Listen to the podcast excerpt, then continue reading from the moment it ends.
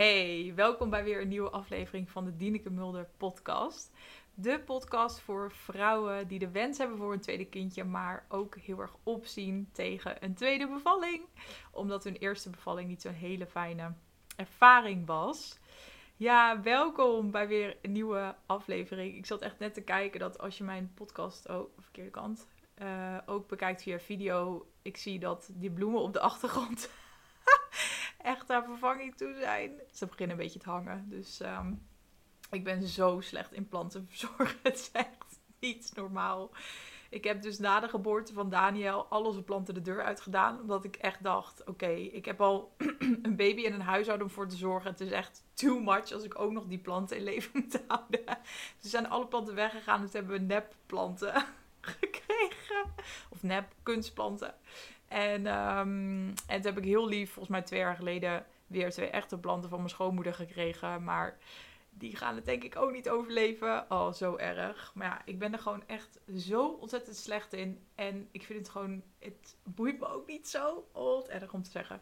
Ja, ik vind het gewoon, uh, ja, het boeit me gewoon niet zo, planten en huis. ik heb andere dingen die ik interessanter vind.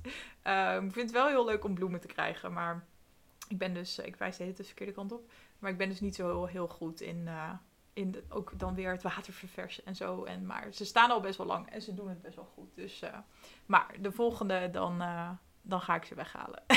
dus dat even als kleine side note voor deze podcastaflevering. Alright, het onderwerp van vandaag is dankbaarheid. En hoe kom ik op dit onderwerp? Ik kreeg een heel mooi inzicht gisteren in een coaching sessie die ik met iemand had. En uh, ik dacht, ik ga dit inzicht ook in deze aflevering delen.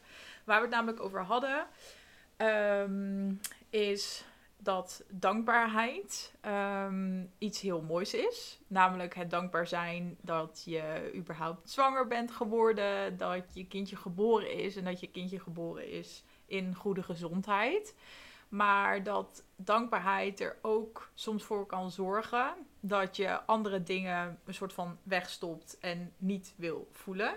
En dat is ook eigenlijk de boodschap die ik in deze aflevering wil meegeven. En waar ik het ook in die coaching sessie gisteren over had.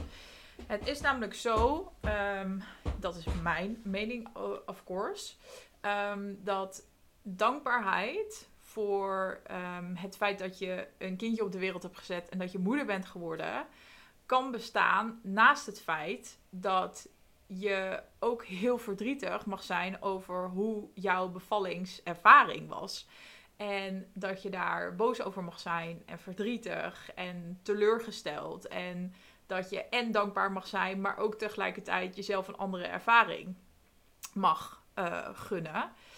Um, dat is eigenlijk wat ik je wil meegeef hierin. En misschien ook een stukje hoe ik het zelf heb ervaren. Um, wat ik heel lastig vond in het begin is dat um, ik voelde mij niet goed. En dat wilde ik um, ook wel met mensen bespreken.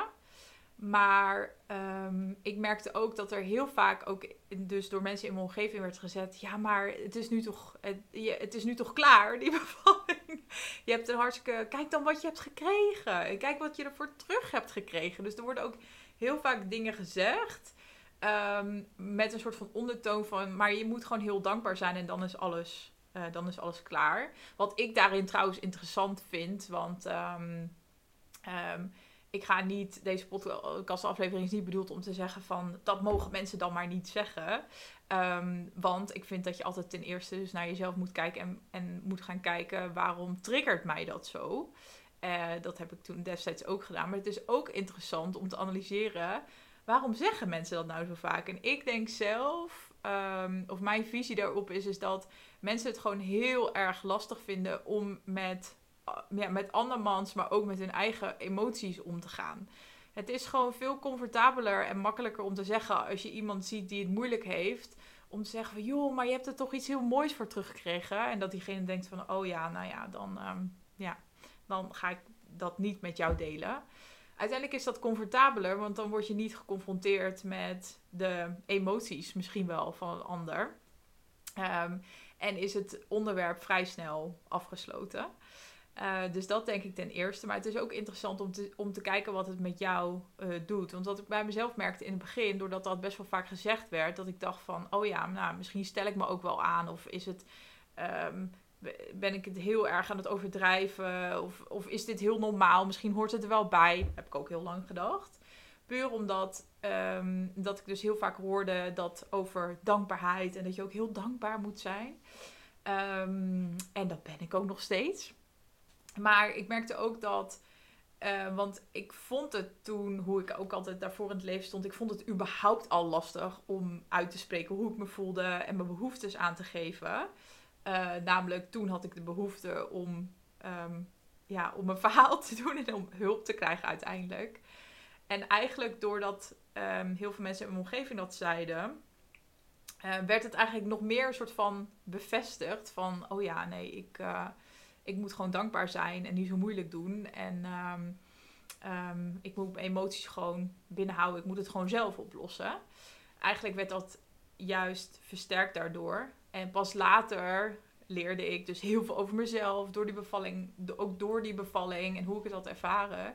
En merkte ik van, ah, dit soort dingen versterken heel erg mijn patronen waar ik al in zat. En nu ik er me meer bewuster van ben, um, lukt het me ook makkelijker om in andere situaties, als ik dit soort opmerkingen krijg, om dat gewoon. Ehm, ja, om het niet voor waarheid aan te nemen, maar ook bij mezelf te blijven en te denken van, ja, maar wat heb ik op dit moment nodig? En ook om de overtuiging los te laten.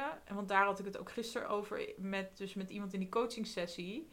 Uh, dat zij, we kwamen een beetje uit dat zij, dat zij stiekem eigenlijk de overtuiging had dat Ehm, dat als je, ehm, ja, als je eigenlijk niet zo fijn terugkijkt op je bevalling, dat dat automatisch betekent dat je, dat je ook niet dankbaar bent. En, en dat is gewoon niet zo. Die overtuiging, die klopt gewoon niet. En pas als je je daar bewust van wordt, dan kan je daar ook daadwerkelijk iets, iets mee.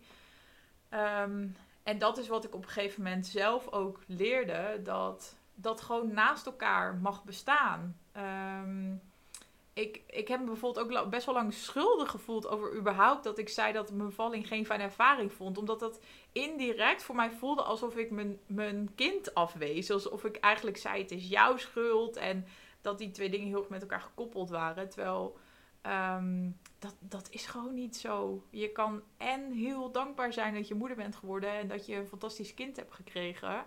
Maar daarnaast kan je ook gewoon er ontzettend van balen dat je ervaring heel anders is is ehm, ja, geworden dan je, dan, je had dan je had gewild, bijvoorbeeld. Dat het gewoon een rotervaring was en dat je jezelf iets heel anders hebt gegund. En dat gaat je ook uiteindelijk helpen als je die twee dingen naast elkaar kan zetten. Dat gaat je ook helpen om gewoon uit te spreken wat je nodig hebt. En om gewoon tegen mensen te zeggen: Ja, maar ik voel me gewoon niet oké. Ik voel me niet mezelf. En, en ik heb hulp nodig. Ehm, want als je blijft luisteren naar wat andere mensen zeggen en eigenlijk gaat het niet over jou, maar wat ik in het begin al zei, over hun. Namelijk, heel veel mensen vinden het gewoon heel lastig om te dealen met de emoties van een ander. Maar als je je daardoor laat leiden, dan blijf je dus constant in een soort van oud patroon door niet uit te spreken wat je nodig hebt en hoe je je voelt. Um, en blijf je dus maar in dat, in dat cirkeltje eigenlijk zitten. Zonder um, daar echt mee aan de slag te gaan. Dus, en een eerste stap is gewoon aan de slag gaan met die ervaring en de verwerking daarvan. Om stapjes te gaan maken in die verwerking. En het helpt heel erg om dus de overtuiging zelf aan te nemen dat beide dingen mogen bestaan. Dat je en heel dankbaar mag zijn, maar ook hulp mag vragen omdat je je gewoon niet oké voelt. Omdat je heel veel ehm, heftige emoties nog ervaart bij die ervaring. Ehm, ja, dus eigenlijk, dit, dit is gewoon mijn boodschap voor deze aflevering. Het is best wel kort, maar uh, kort en krachtig, denk ik. Um, dus ik hoop dat je hier iets aan hebt. Ik ben ook heel benieuwd hoe jij dat hebt ervaren na je bevalling, of je dat lastig vond, of je dat ook te horen kreeg uit je omgeving, dat stukje dankbaarheid, of dat je ook zelf die overtuiging had van, ja, maar ik moet er gewoon heel dankbaar zijn. En ook wat de invloed daarvan is geweest op je de periode zeg maar na je bevalling. Wil je me dat laten weten? Zou ik super leuk vinden. Kan via DM op Instagram of via TikTok. Want tegenwoordig zit ik ook op TikTok elke dag. Uh, dus daar mag je me ook een berichtje sturen. En als je mij persoonlijk wil spreken, je verhaal wil delen, wil sparren, dan kan dat. Dan kan je een, uh, gewoon een gratis gesprek met me inplannen via de link in de show notes hieronder. Dan kan je gewoon direct in mijn agenda iets inplannen. Nou, hoe makkelijk is dat? Um, oh, de microfoon gaat alle kanten op. dus um, ja, en laat me weten wat je aan deze aflevering hebt gehad. En dan zie ik je in de volgende.